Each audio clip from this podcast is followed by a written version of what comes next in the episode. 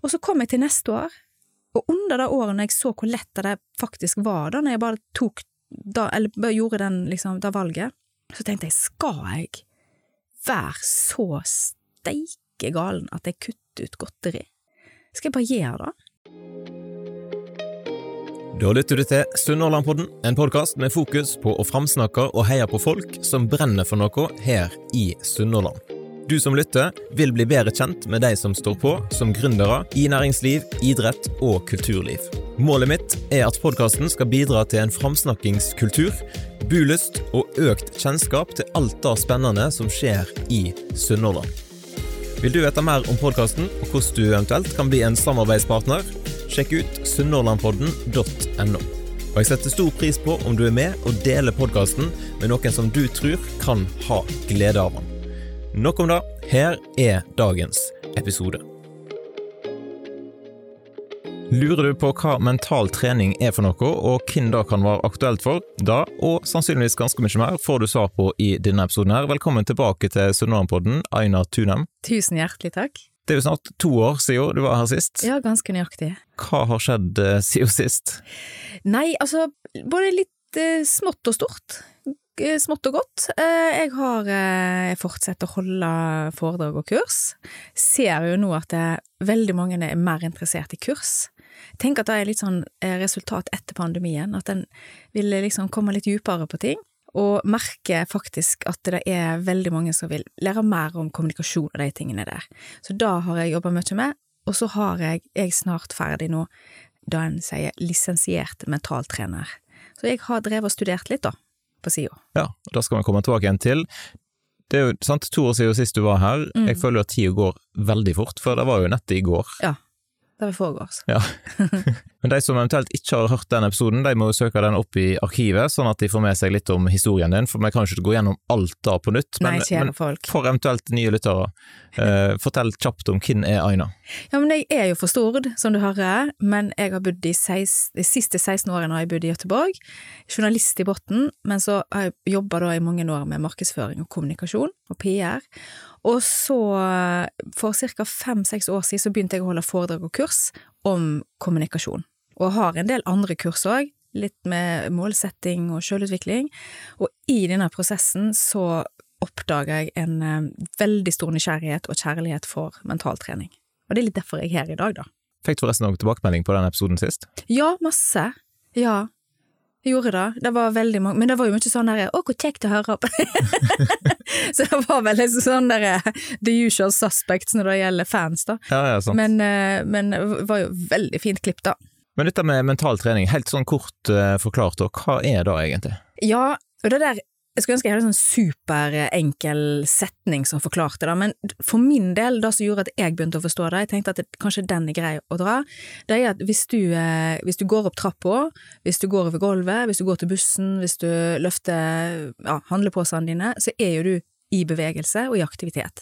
Men i det øyeblikket du setter deg ned og tenker vet du hva, nå skal jeg ta og springe fem, mil, eller fem kilometer i dag, eller jeg skal løfte vekter, eller jeg skal ta gruppetrening på treningssenteret, da trener du. For du, du gjør et bevisst valg, sant? du vil gjøre noe med kroppen din.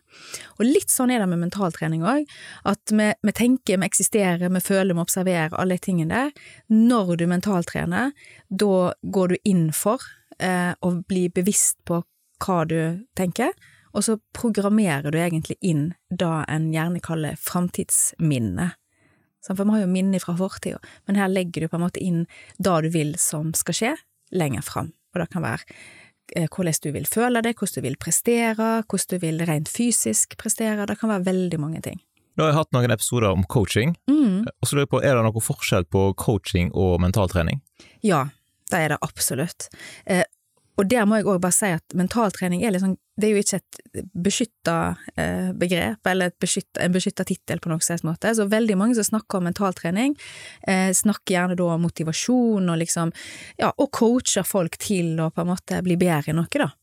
Eh, men hvis en skal se på mentaltreningens opphav og hva det egentlig handler om, så er mentaltrening egentlig noe som du gjør sjøl i en slags eh, nesten sånn sjølhypnotisk tilstand. Og det kan vi komme litt inn på, men der du på en måte legger inn, du gjør det sjøl, da. Mens hvis jeg coacher deg, så sitter jo jeg og stiller spørsmål som er relevante, som gjør at du kommer til innsikt om forskjellige ting. Men du kan jobbe med coaching i, i forbindelse med mentaltrening.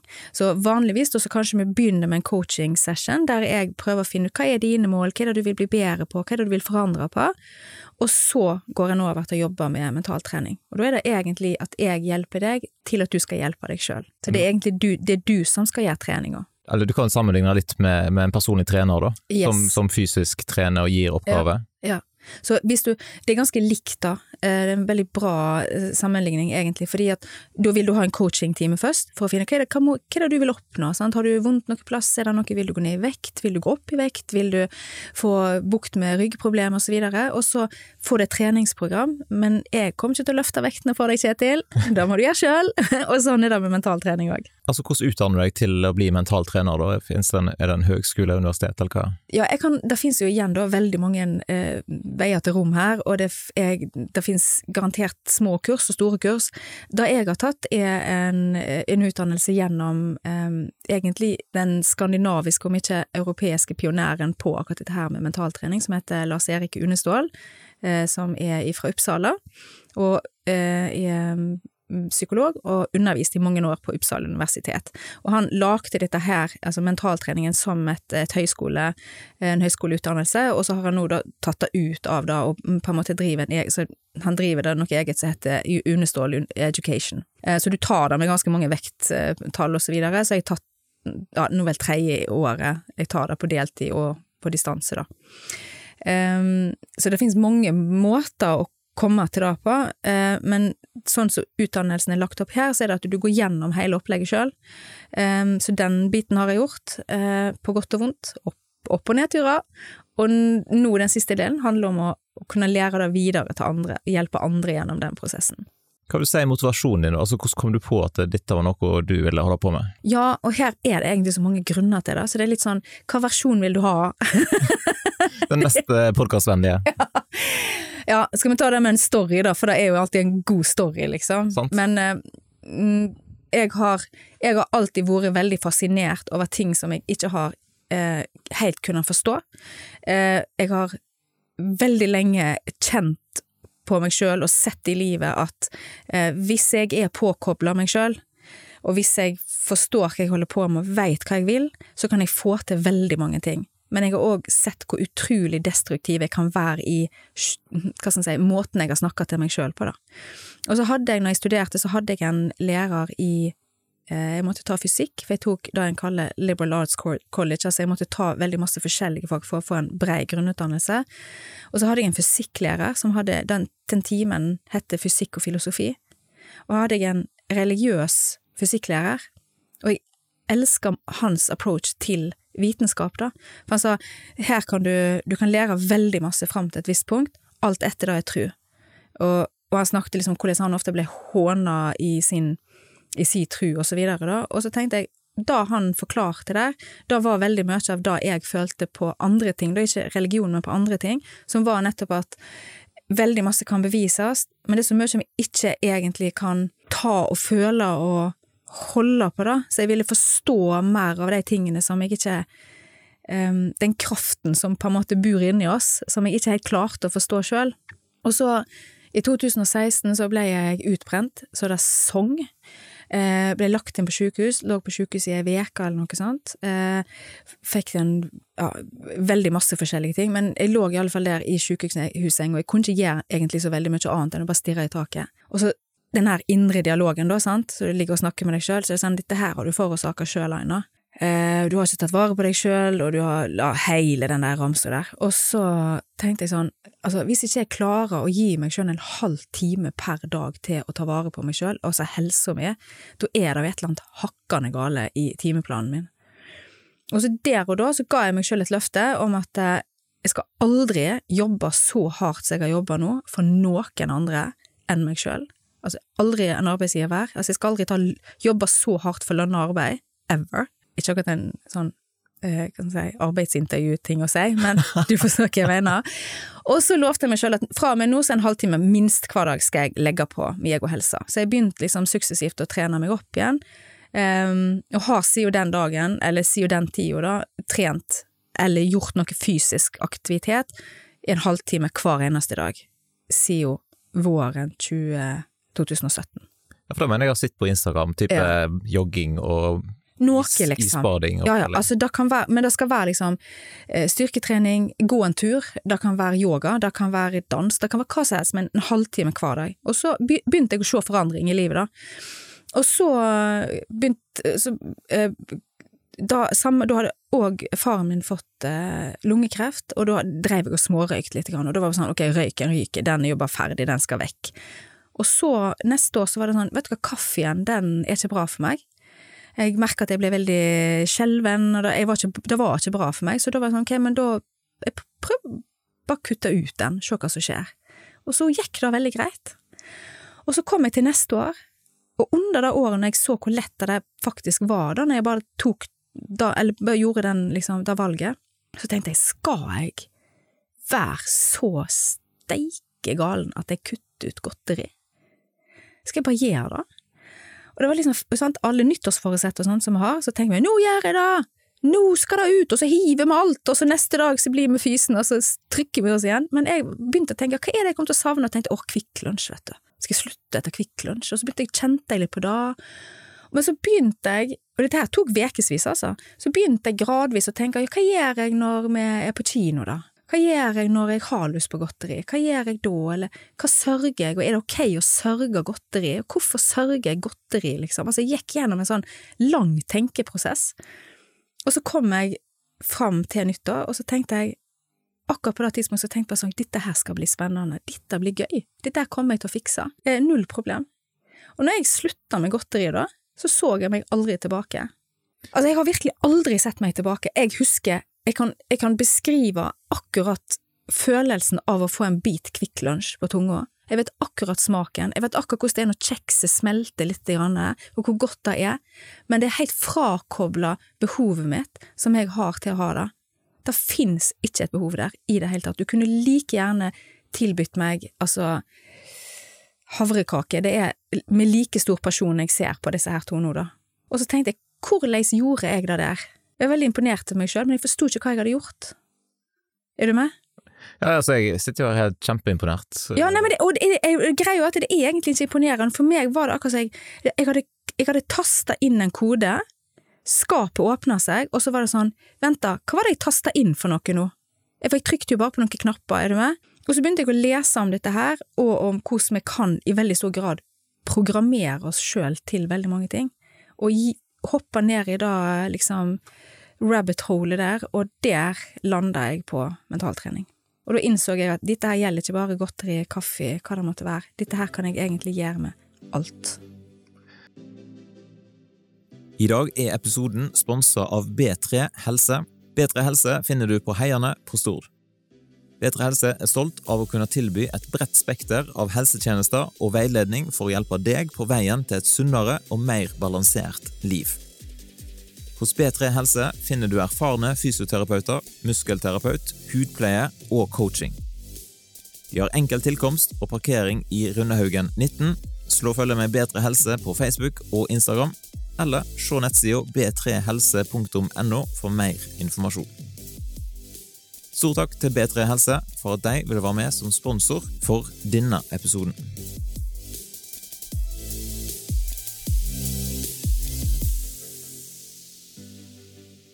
Alle som nå sitter og syns synd på deg at ikke du drikker kaffe og spiser Kvikk Lunsj. Vet du hvor mange som blir provosert av at jeg sier det? Og de, de tar det som en personlig fornærmelse at jeg ikke spiser godteri. De må jo kose seg av og til. Må få lov å kose seg. Ja, jeg gjør det, altså. Altså, Hva koser du deg med nå, da? Nei, men altså, hva er kos, da? Altså, det er bare at jeg har bare fylt det ordet og det konseptet og den opplevelsen med andre ting. Så, forstår du? Jeg elsker jo å bake, så jeg baker jo gjerne da i stedet for, men jeg og jeg har null problem med å kjøpe godteri til familien, eller forstår du, adventskalendere, men jeg er overhodet ikke fusen på det lenger, da. Det fins liksom ikke. Um, så og, for å si det sånn, dette er overhodet ikke noe propaganda på å prøve å få folk til å slutte med noe som helst. Kjære folk, et det dere vil, kos dere med det dere vil. For meg var det bare en, en innsikt i at her har jeg knekt en kode, og denne kan jeg bruke til andre ting òg. Altså egentlig kunne du masse om mentaltrening før du begynte på skolen? Nei, men jeg innser at mye av det som var um, altså et, som har vært instinkt hos meg, som jeg har tenkt og bare gjort, har faktisk vært ting som er veldig reelle verktøy i mentaltrening. Hvem er det da som kan ha nytte av mentaltrening? Absolutt alle. Jeg kan nesten ikke komme på noen som ikke har bruk for det, eller kan ha nytte av det. Og Une Ståhl har jo brukt, han har jo forska på dette her i mange, mange år. Han, han var i barneskolene, han, fikk, han kjørte store studier der eh, barn eh, fikk mentaltrening i forbindelse med eh, gym på skolen, der de brukte ti minutter etter gymtimen på mentaltrening. Du har idrettsutøvere, du har businessfolk, folk som selger, eh, folk som vil ha bedre sjøltillit, som vil bygge opp helsa si, altså alle mulige, folk. du kan bruke det til så utrolig mye. Litt sånn praktisk, så hvordan, hvis en skal begynne med mentaltrening, hvordan kan det se ut? Nei, um, igjen da, det er mange veier til rom, og det finnes veldig mange mentaltrenere der ute, og jeg kan ikke verken gå god for eller, uh, skulle ikke si, uh, avvike fra noen av de, men um, en plass å begynne, som jeg tenker, det er jo faktisk å begynne å lese litt om det, og hva det er.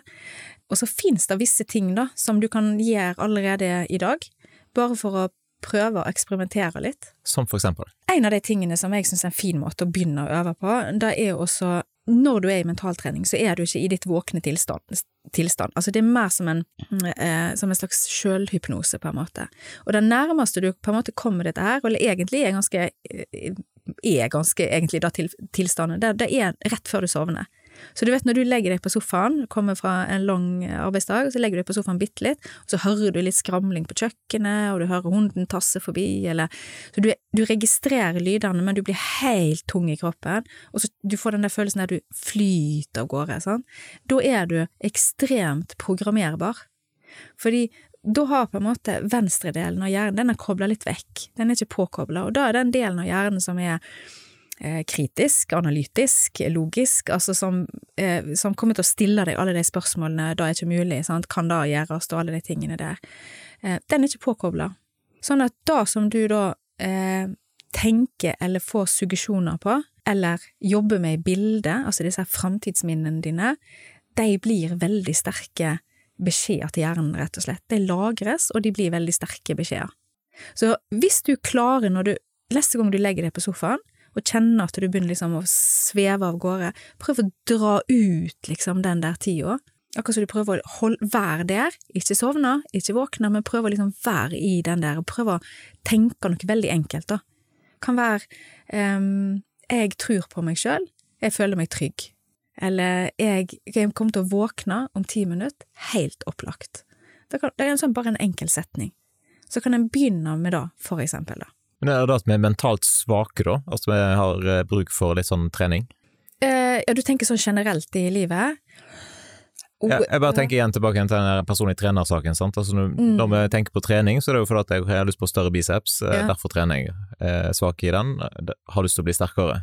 Også mentalt er det liksom eh, psyken vår, eller hva, er det som blir sterkere? Ja, jeg har litt lyst til å provosere her, og bare si ja, vi er betydelig svakere nå enn før. I alle fall kommende generasjoner. Og det er ikke kritikk, og det er helt sikkert noen som er helt uenig med meg i det, men bare fra min generasjon, jeg er jo typisk generasjon X, født i 75, det var, ikke, det var ikke bilbelte eller kjøring til og fra trening, altså det var veldig mye sånn litt sånn klar deg sjøl-type greier.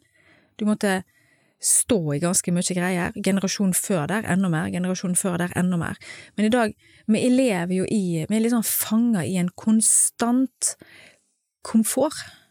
Vi fryser ikke, vi er mette, vi er ikke tøste, vi får sove, vi får hvile, vi har tak over hodet. Altså, vi er veldig komfortable, da. Og det er flott, og da, jo, da vil vi jo være, men det er ikke der du vokser, det er ikke der du bygger mentale muskler. Det er ikke der du styrketrener mentalt, det gjør du når du går på vandringer i fjellet med et gnagsår. og når du springer den siste kilometeren når du egentlig var sliten for lenge siden, eller når du tar deg gjennom et studie som der du bare må sjølmotivere deg hver eneste dag du står opp, altså de tingene da, da er mentalt styrketrening. Hvorfor tror du isbading blitt så populært? Veldig mange vil si jo, for da føler jeg i alle fall noe. Eh, ja, det gjør du. Eh, forstår du? Fordi du er i ytterkanten av deg sjøl bitte litt. Du er i komfort. Igjen, da, en annen ting som er super å, begynne med, med mentaltrening. Bare kjenn litt på det. Kjenn på å være, være ukomfortabel. Når du dusjer på morgenen, siste 30 sekundene iskaldt vann, og så står du i det iskalde vannet, så kjenner du hva er det som skjer nå i kroppen min, hvordan føler jeg meg, og hvordan føler jeg meg etterpå, dør jeg av dette her? Nei, bare vær i det litt. Grann. Men kan du få uh, treningsverk av mental trening? Eh, ja, jeg synes det er et så godt spørsmål, for dette, ja, det har jeg fått. Fordi på et tidspunkt så Eh, mentaltrente jo jeg hver dag, og da, nå høres det ut som jeg sitter altså i skredderstilling eh, og bare hm, det gjør jeg ikke. det er liksom ti, ti, ti minutter, kvarter. Det er ikke mer enn det. Men jeg merka at eh, når jeg, når jeg ville for masse, så klarte jeg å trykke inn prestasjon der òg, gitt. Og, og så skulle jeg liksom bli flink på mentaltrener. Eh, og da utvikla jeg en slags aversjon mot det. Er du med på det? Jeg liksom lå der og sånn nå skal jeg mentaltrene, og så begynte jeg å tenke på 38 andre ting som jeg eh, måtte huske den dagen, så klarte jeg ikke å lande da, og så ble det en prestasjonsgreie. Og da må en på en måte bare ta et steg tilbake, ta en pause, begynne på nytt. For da all mentaltrening begynner med, det er å lære kroppen å komme ned i, i avspenning, altså komme i avspenning. Da begynner hele programmet med. Sikkert ikke alle program, men i alle fall det programmet som jeg jobber med, det begynner med at du skal ta avspenning.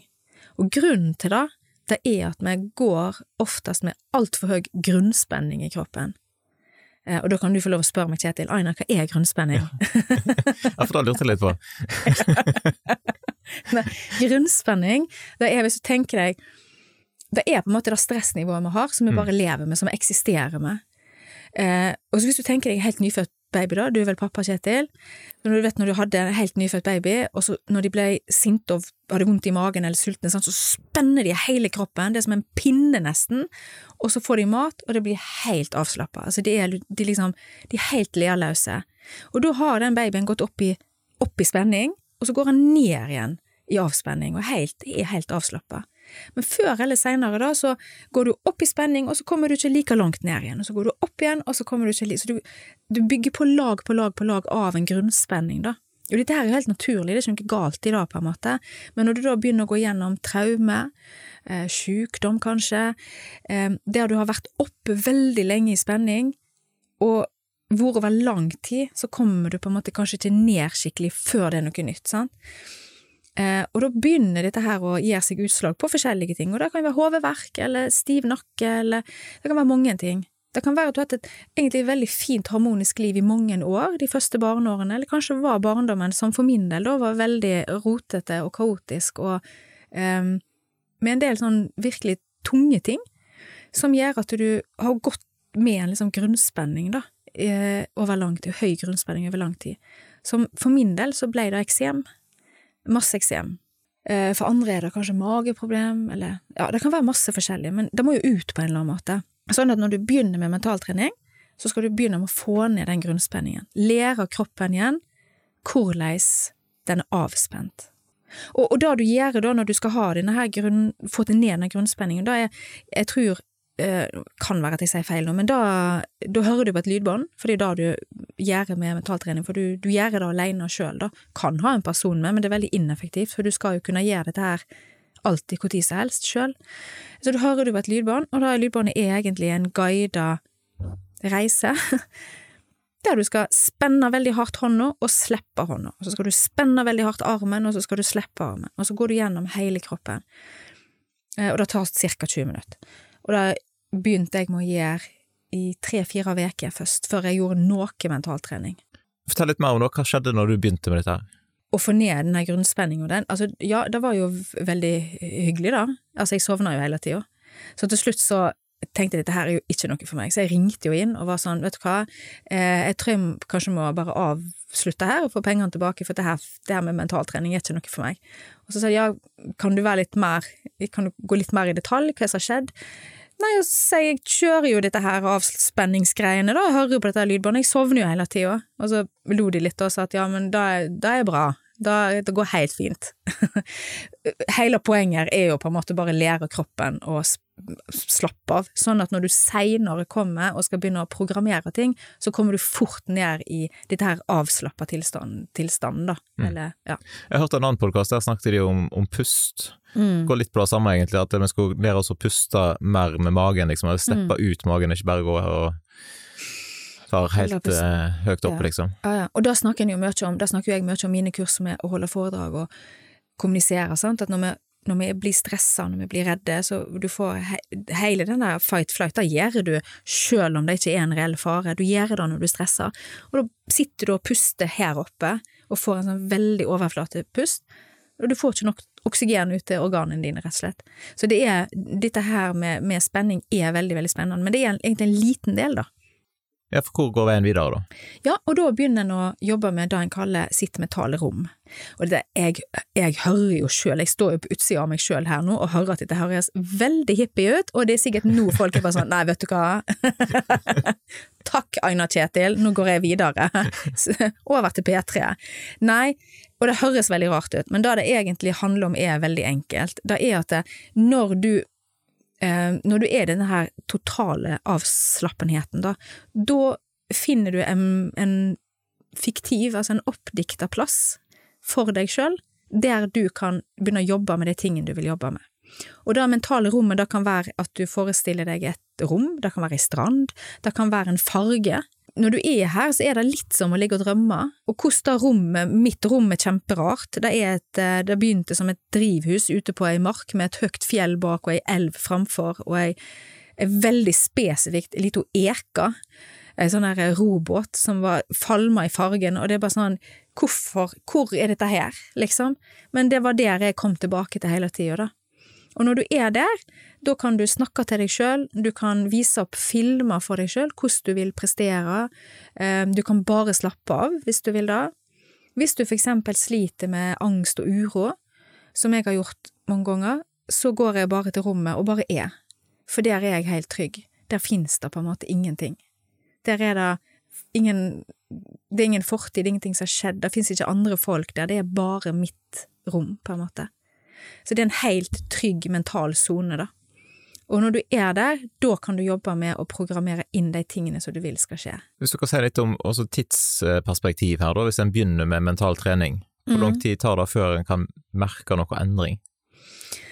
Eh, og Det er et veldig godt spørsmål. Og for meg, noen som holder på med det, de merker det ganske umiddelbart og blir helt sjokka og er sånn jeg har, jeg har aldri opplevd å kunne sove en hel natt uten å våkne, og nå gjorde jeg det. Eller jeg har eh, i går så holdt jeg foredrag framfor 20 kollegaer, og jeg, jeg var ikke nervøs engang, for eksempel. Eller jeg har aldri sprunget så fort, plutselig så slo jeg mine egne rekorder som jeg har drevet og slet med kjempelenge. Noen kan få veldig konkrete tydelige svar og resultat veldig fort. Andre tar det, er det mer gradvis. For meg var det definitivt mer gradvis. Um, og i begynnelsen, og det, fordi det skjer så gradvis, så klarer du ikke helt å sette fingeren på det, men da jeg Eh, da jeg merka, var eh, eksemen min forsvant. Eh, jeg, var, jeg, er mer i Jeg blir ikke så stressa. Jeg er mer generelt rolig. når jeg opplever uro og angsttendenser, så klarer jeg å ofte se at det er på vei å komme, jeg klarer å roe meg ned, liksom, snakke meg sjøl ned fra det. Så den indre dialogen jeg har med meg sjøl, er veldig, veldig mye bedre. Jeg er mye bare bevisst på eh, stygge ting jeg sier til meg sjøl, da, og, og prøver å snu, snu da til, til, gode, konstruktive ting som jeg jobber med i stedet for. Så det, det, har vært, det har vært tre år med en egentlig veldig interessant prosess. Jeg er jo fremdeles absolutt 100% den jeg er, men jeg føler jeg er en bedre versjon, og jeg føler jeg er mye mer bevisst på hvordan jeg vil ha ting, og hva jeg vil, hva jeg vil mate meg sjøl med for tanker, altså. Jeg tenker spesielt den der indre dialogen, det er grådig interessant. Eh, mm. Jeg hørte en annen podkast der de òg prater om den, mm. og, og, hvor Om det er spesielt for, tror du det er spesielt for damer? At det har en, en veldig negativ indre dialog? Jeg tror generelt vi snakker sikkert ti ganger mer enn dere mannfolk gjør. Altså, det er, det er altså sånt mas mange ganger, spesielt for kvinner som Altså, det er småbarn, det er lister, det er, det er krav du skal huske, altså det er mye sånn. Men jeg tror at vi snakker veldig mye der, ja. Jeg tror det, og jeg tror han er ofte veld, veldig negativ, veldig prega av det vi har blitt mata med ute òg, da. Det er en som heter, oh, nå må jeg huske navnet, Price Pritchett, eller noe sånt, han heter, han er psykolog, han er egentlig sånn tankeleder på når det gjelder business og ledelse. Um, og han snakker om at uh, han stiller ofte spørsmål, nå stiller jeg det til deg, Kjetil. Eh, hva får du best utbytte av, å tenke mer positivt eller mindre negativt? Mer positivt, ville jeg sagt. Ja, og det sier de aller fleste. Men det er feil? Jeg, det er feil, fordi at det er flott hvis du klarer å tenke positivt. Det er veldig fint. Eh, men det kan òg bli litt sånn henge opp sant. Å, oh, nå må jeg være positiv. Ja, nå var ikke jeg positiv, nå var jeg positiv. Men hvis du klarer å tenke litt mindre negativt, så er effekten det har på deg, veldig mye større enn om du går rundt og tenker positivt. Så vær heller nøytral, da. Observer. Tenk, 'sjå der, nå regner det i dag. Eller, ja, jeg har lagt på meg. Interessant. I stedet for å umiddelbart gå til nå er jeg feit, fy flate hvor stygg jeg har blitt, eller forbarka drittvær, alltid skal det regne når jeg… Altså, skjønner du? Bare da enten observere, være nøytral, ikke legge vurderinger i absolutt alt, eller prøve å tenke positivt. Bare gjennom å gjøre det, så gjør vi utrolig mye for vår indre dialog og hvordan vi har det med oss sjøl. For alt vi sier til oss sjøl, da påvirker, helt ned på cellulært nivå, og det lærer en veldig masse om i, i mentaltrening. Altså her, her det er biologi, altså, det henger sammen, alt. Du nevnte dette med, med stress og, og, press. Hvordan mm. kan en bli bedre på å takle det via mentaltrening? Jo, så da kan du programmere inn 'jeg er rolig'. Um, så la meg gi et eksempel, da. Uh, for jeg, jeg, driver jo dette her med ungene mine òg, prøver å lære de så mye av det de er mottagelige for. Og så skal det sies sikkert to tenåringer, så veldig populært å si hjemme hos oss er 'mamma, alt er ikke en life lesson'. da bør jeg veldig ofte. Jeg bare 'nei, jeg prøver bare å hjelpe deg'. Men de er samtidig mottagelige for en del, da. Um, så hadde jeg datter mi flinke på skolen og, og like skolen, men sleit en del med matten, måtte jobbe ekstra med matten, og opplevde veldig mye stress rundt å ha matteprøve. Opplevde at det, der sleit hun med å prestere, og spesielt sa hun, når jeg kom til et spørsmål der jeg allerede i første setning ikke forstår, så klarer jeg på en måte ikke å lese instruksjonene som gjør at jeg Det, det går helt i blankt, sant vel? Og så, eh, så sier hun da at eh, ja, om, om, om jeg, hva hun skulle gjøre for det. Så sier jeg sett intensjon før du begynner. Hun var ikke interessert i mentaltrener, at jeg skulle holde på å snakke til henne med sånn mjuk og mørk stemme, bare nei, da glem det, mamma. Så sier jeg ok, gjør dette her. Og det er å sette intensjon før segmentet. Så segmentet er nå da matteprøven. Og så sier jeg før matteprøven, ta ti sekunder, og så sier du hva intensjonen din er med matteprøven. Ja, hva er det da, det er vel å få en bra karakter? Nei, nei, nei, da er resultatet, det er noe helt annet.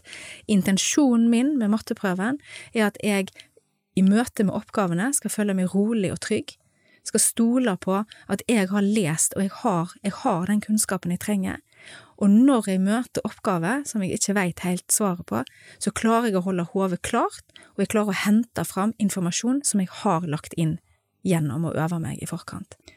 Det er alt du trenger å. Det er det eneste du trenger å si da til deg sjøl, tydelig, før prøven, og prøven kommer.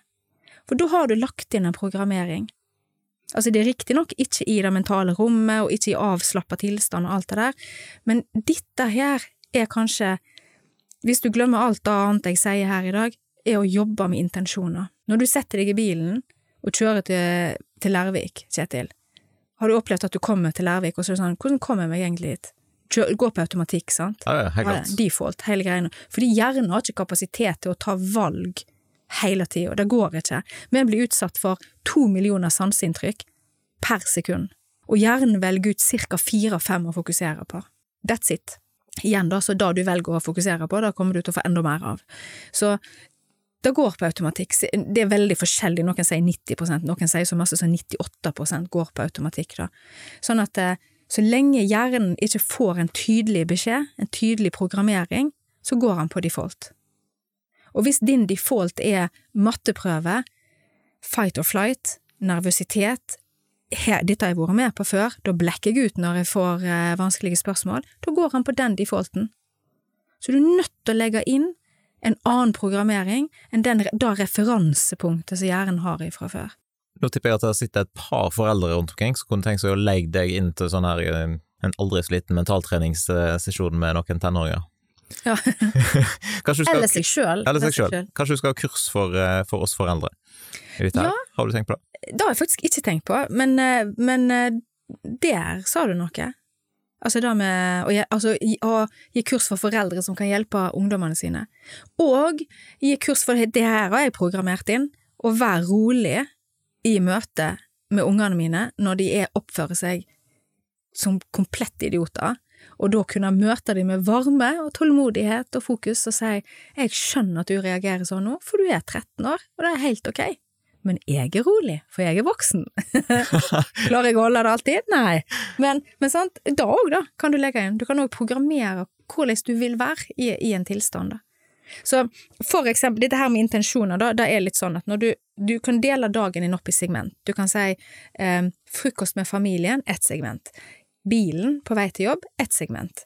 Første timene på kontoret, ett segment. Lunsj med kollegaer, ett segment. Sånn? Kommer du til å gå og huske dette her hele tida, Kjetil? Nei, det gjør du ikke.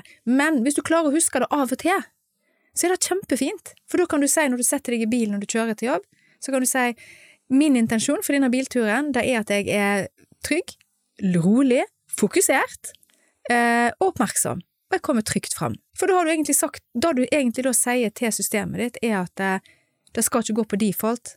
Du skal være rolig og trygg, men fokusert, oppmerksom. Kan du garantere at eh, alle andre er sånn på veien? Nei, nei, nei. Du har null kontroll på det. Det eneste du kan kontrollere, er hvordan din kropp skal reagere. Hvordan blir det nå når du skal begynne å jobbe som, eh, som mentaltrener? Da kommer du til å selge liksom, eh, pakker, eller hvordan, hvordan funker det? Altså, en, en PT selger jo ofte liksom, nå får du ti, ti Mm. timer med PT-timer. Ja, jeg tror nok det, ja. Jeg kommer helt sikkert til å jobbe med folk fysisk, altså ha møter og sånne type ting, men jeg syns det er veldig gøy å jobbe digitalt. Og det gjør jeg allerede. Jeg jobber mye med rådgivning. Folk booker meg for å for eksempel lære å snakke bedre på video, for de kanskje driver en online business, eller jeg eh, hjelper folk med manus og hvordan de skal komme fram med budskap og sånne type ting. Og da har folk ofte booka meg i sånn tre timer, for eksempel, og så kjører vi digitalt. Og egentlig fleste kundene mine da er norske. Eh, og det er veldig gøy, for da får du liksom følge deres reiser, og så får du òg på en måte gi de verktøyene. Sånn, nå har du det du trenger, nå kan du gå videre og øve. Og da er det jo at jeg spiller inn lydfiler som de får lytta på, da. Så da blir coachingen litt av det. Hva er det du vil jobbe med?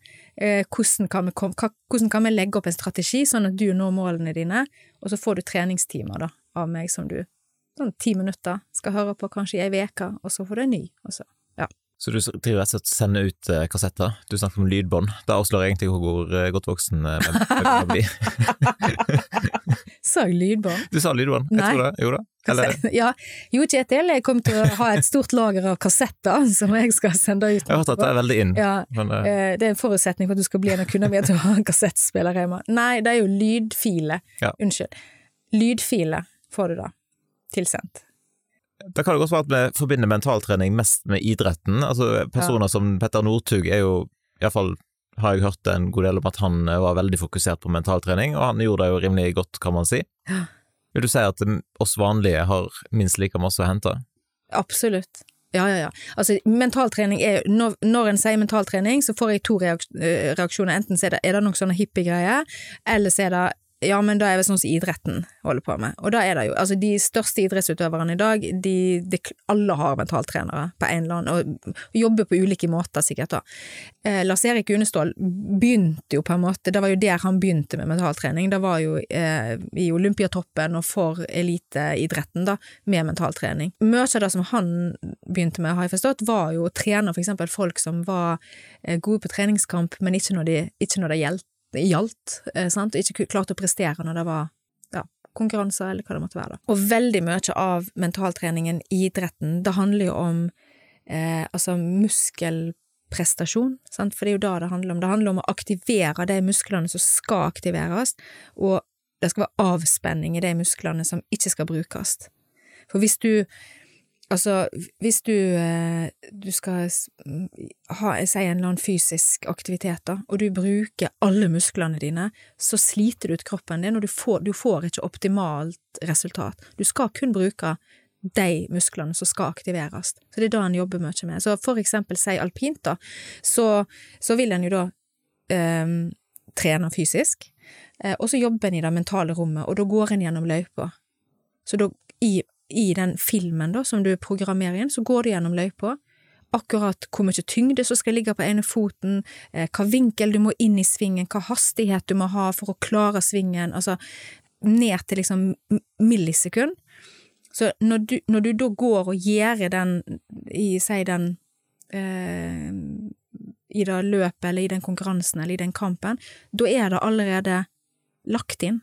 Du har gått gjennom det hundrevis av ganger i hodet før du gjør det. For du kan på en måte ikke komme med mentaltrening og si sånn ja, nå er det to dager før kampen, nå tar vi og mentaltrener litt. Dette her jobber vi i ukevis i forkant. Du kan ikke gjøre det på en måte dagen før, da. Så Veldig mye av dette er sånn som så en av disse her eh, Han Une Ståla jobber veldig mye med studier og eksperiment. Han hadde en blant annet med en basket, altså der de skulle skyte straffer på basket.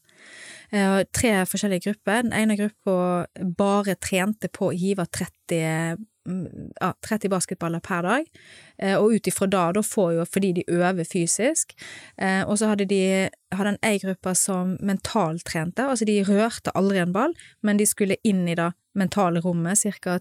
10-15 minutter hver dag, og der heiv de 13 basketballer som svosja nedi hver gang. Eh, og så hadde han ei gruppe da som gjorde begge deler. De som mentaltrente, var oppimot nesten like bra som de som fysisk sto og kasta den ballen. De som fikk absolutt best resultat, var de som gjorde begge deler. Eh, så det er på en måte det at du, du må Alle ting skjer to ganger. Det skjer først oppi hodet i den filmen du ser, og så ser det fysisk når du skal gjøre det. Så en må på en måte Dette her kan en bruke langt utenfor idretten. Det kan, det kan gå på eh, hvordan du vil prestere i et salgsmøte, eh, hvordan du vil presentere deg sjøl, og hvordan du vil kommunisere. Det kan gå på um, hvordan du vil ta vare på helsa di. Uh, det kan gå på immunforsvaret ditt. Det kan gå på uh, hvordan du vil roe deg sjøl ned. Uh, hvordan du vil uh, bli bedre på å synge. spille piano. gjøre matteprøver. Altså, alt mellom himmel og jord kan du bruke det til. Så jeg at noen har lyst til å booke deg inn til å kutte ut snop siden vi snakket om det? Ja. Vil du tro at det er mulig? Ja, det tror jeg. 100 Fordi jeg sjøl har gjort det. Jeg veit at det går. Men, men, er det et poeng at Altså, det må jo være et poeng for de å gjøre det. Eh, forstår du? For det kan ikke være sånn at du må jo ha lyst til å gjøre den forandringen. Eh, og hvis ikke det er noe poeng at du skal gjøre det, så finn noe annet, liksom. Ja, ja. ja det må ha en høy verdi for deg? Ja, det må ha en høy må, Og da kan det jo komme fra smerte, sant, at du eh, 'Jeg vil ikke leve sånn lenger, det er for vondt', eller jeg, 'jeg står i veien for meg sjøl', eller det kan være at du har en, et mål eller en drøm eller noe du har lyst til å gjøre med livet ditt, men du merker at det, tvilen, usikkerheten, frykten stopper deg gang på gang på gang. Da er det jo den du håndterer. Det kan være litt vanskelig å sette seg helt inn i hvordan, hvordan funker dette i praksis. Hvis du tar oss gjennom en slags kundereise, da, ja. at uh, jeg for eksempel som kunde tenker at uh, Aina, hun kan hjelpe meg med et eller annet. Ja. Skal vi, skal vi la det sånn rollespill da, Kjetil? Ja, det er jo kjempegøy. så kan du Elsker meg. da elsker meg. Nei, men sånn, så kan du Jeg skal dramatisere det òg når vi først Dramatisere det med stemme og Nei, men da sier jeg sant, hei Kjetil, da kommer du til meg, og så vil jeg så har du et mål, så nå må ja. du bare dikte et mål du har, da. Sant, jeg har et mål om at uh, Sunnmørpodden skal nå ut til enda flere i Sunnhordland, eller at ja. uh, podkasten skal lykkes. Ja, og da ville vi brukt den første tida, og der har du litt coaching, da. Sant? Da ville jeg brukt den første tida på å finne ut hva er det som stopper deg fra å gjøre det. Og da må vi jo sitte og snakke og spørre litt fram og tilbake, og sånn. så kanskje da lander i at nei, vet du hva, jeg, jeg sliter skikkelig med å selge jeg selger meg sjøl, markedsfører meg sjøl, og liksom har sjøltillit på at jeg har et bra produkt å selge. Der kommer jeg til kort. Sant? Det er ikke det sikkert det er da, da, Kjetil, men nå leker vi at det er det. Ja, Si det er rollespill. Ja. Og så, da sier jeg til deg, greit, da begynner vi der. Da begynner vi med jobbe, da må vi jobbe med selvtillit og trygghet i en sånn setting. Og så sier du, det passer veldig bra, for jeg har et møte med en investor. Spennende. da har jeg, jeg har en møte med en investor om tre uker. Flott, det er en perfekt eh, mulighet, for da har vi målet vårt der framme. Da skal vi jobbe fram mot det. Så da ville vi rett og slett begynt med å få ned grunnspenningen, komme i avslag, trene på å være avslappa, og så ville vi begynt å jobbe med mentale rommet, og da får du lydfil, da. Sant? Så det du skal høre på. Den kassetten. Ja, den kassetten. Ja. den mixtapen som jeg har lagd til deg. Den, den lydfilen som du skal høre på. Og da er det kanskje sånn først der du roer deg ned, og dette skal du gjøre sjøl. Så disse treningsøktene, de skal du gjøre sjøl hjemme. Og så er det mentale rommet. Da handler det om å finne den plassen hos deg sjøl der du kan liksom gå inn og programmere. Og så begynner vi med lydfilen som handler om hvordan du ser dette her møtet den dagen hvordan du oppfører deg, hvordan du er avslappa, har sjøltillit, finner de rette ordene, klarer å få fram budskapet ditt. Og da egentlig det du gjør da, det er at du, du mentalt skaper en film av hvordan det møtet skal gå, for din del. I den filmen så kan ikke du kontrollere hvordan andre reagerer eller hva andre sier, men du kan 100% kontrollere hvordan du presenterer deg sjøl. Og da kommer du til å presentere deg sjøl på en fabelaktig måte, Kjetil, som gjør at det, der satt han. Eller ikke, men du forstår hva jeg mener. Da har iallfall du den tryggheten, da, eh, til å kunne gjøre det. Så har jeg hørt eh, av og til snakk om triggerord, eller trigger Ja. et eller annet. Ja. Eh, hva er det for noe? Nei, og det er jo òg en del av denne prosessen, da. Og, eh, så da kan det være sånn at eh, Si for eksempel at du, du trenger å være veldig fokusert. Så litt sånn eh, en matteprøve, for eksempel. Eh, sliter med fokus, sliter med konsentrasjon, eh, blir nervøs, og når jeg blir nervøs, da glemmer jeg alt jeg har lært meg. Da må, da må vi øve på å legge inn i denne programmeringen at du klarer å holde fokus. Du klarer å stenge ute alt, klarer å virkelig fokusere på det du holder på, på med. Og det en gjør da i, i under denne liksom, mentaltreningen, det er at en, en finner fram et bra referansepunkt. En gang, et minne av en gang der du var 100% fokusert og virkelig klarte å zoome inn på det du skulle gjøre. Og så legger vi inn en bevegelse. Så min trigger for fokus, det er tommel og pekefinger mot hverandre, så trykker jeg den noen ganger. Og det gjør du da mens du er liksom i, i denne her mentaltreningen. Og da, da skapes en kobling. Sånn at eh, på samme måten som hvis du hører en viss sang, så kommer du på et minne, og du blir i godt humør. Samme greia skjer her. Så det er derfor du ofte ser idrettsutøvere sånn, rett før et, eh, et løp eller et eller annet, så står de og gnir seg på lårene og klapper tre ganger, eller de har en slags greie som de gjør, sant, de liksom slår seg på panna eller klapp, altså gjør et eller annet sånn, så jeg vet ikke hva det kan være. Men da er det da de gjør. De aktiverer den triggeren som er programmert inn for fokus og 100 prestasjon. Så kan det være noen som gjør det av overtro òg, men det er stort sett en trigger du ser på. Nå bor du i Sverige til vanlig, Ja, eh, men du sa at du jobber jo masse digitalt, så det er faktisk mulig for folk i Sunnmøre å, å booke deg inn. ja, ja, ja absolutt. Mm. Men hvor er det folk finner deg? Enten så kan de sende en mail på eh, eller kan gå inn på tunemtalks.com på hjemmesida mi. Nå har jeg jo mest foredrag og kurs der, da. Jeg har ikke så mye om mentaltrening ennå, men der finner du òg eh, mer informasjon. Eh, eller bare sende meg en DM på tunemtalks på Instagram. For eksempel? Ja, og da er det jo litt sånn, da booker vi ei tid som selvfølgelig ikke koster noe, og så snakker vi litt og ser er dette her noe for meg, og ja, hva, legge opp et opplegg som passer for den enkelte personen, da.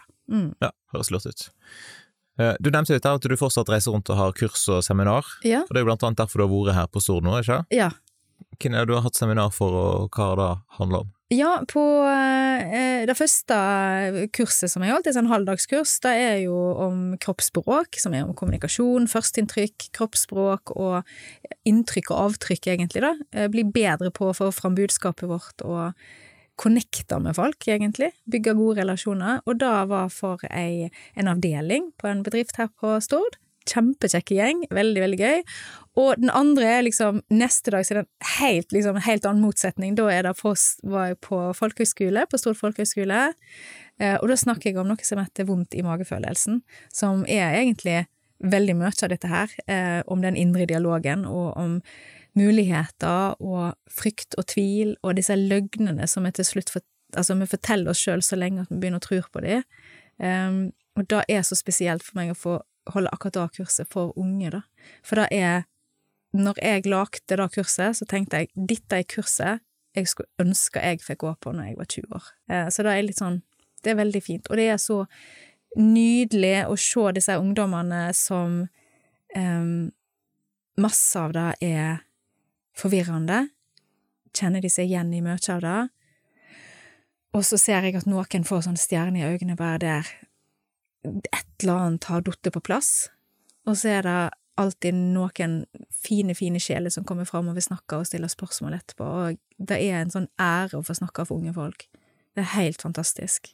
Så da håper jeg å få lov å fortsette med. Mm. Så det er litt kjekt å komme tilbake igjen til Stord? Å, det er så koselig. Syns det er så kjekt, jeg. Og så er det jo klart, altså, jeg jobber jo mye i Sverige, og det er på svensk, eh, og da går jeg greit, da, altså, men det er noe med det der å få eh, Ja, på sitt eget språk, på sin egen dialekt. Eh, det, er, det, er, veldig kjekt. Mm. Yes. Og så passer det jo veldig bra at du kunne ta turen innom studiet her. Ja, ja, alltid. Det, det er supert. ja. ja, men bra. Vi sier tusen takk med for at du stakk innom her, og så ønsker vi lykke til videre med både mentaltrening og alt det andre som du brenner for. Takk skal du ha. Takk for at du lytta til dagens episode av Sunnhordlandpodden. Og har du lyst til å gi en tilbakemelding, så er det kjempestas om du sender en melding, enten til meg eller til eh, gjesten som jeg hadde med meg i dag. Det er alltid inspirerende å høre ifra deg som har lytta til episoden, hva du syns. Har du lyst til å gi podkasten en vurdering i Apple Podcaster eller noen stjerner på Spotify, så setter jeg òg stor pris på det. Har du kritikk og konstruktiv tilbakemelding, så er det jo kjempestas om du sender en e-post til f.eks. post etter sunnhordlandpodden.no. Og Hvis dette var første gangen du lytter til podden, så håper jeg da at du har lyst til å sjekke ut eh, flere episoder i arkivet. Er så mange gode folk fra Sunnhordland som har vært innom studio og delt om det som de brenner for. Og Jeg håper da at du har lyst til å slå følge med podkasten i sosiale medier. Du finner oss på Instagram og på Facebook. Det er òg veldig flott om du har lyst til å sende inn eh, ønsker og tips om personer som du mener bør være med i podkasten framover. Da ønsker jeg deg en fin dag, og så poddes vi plutselig igjen hvis alt går etter planen.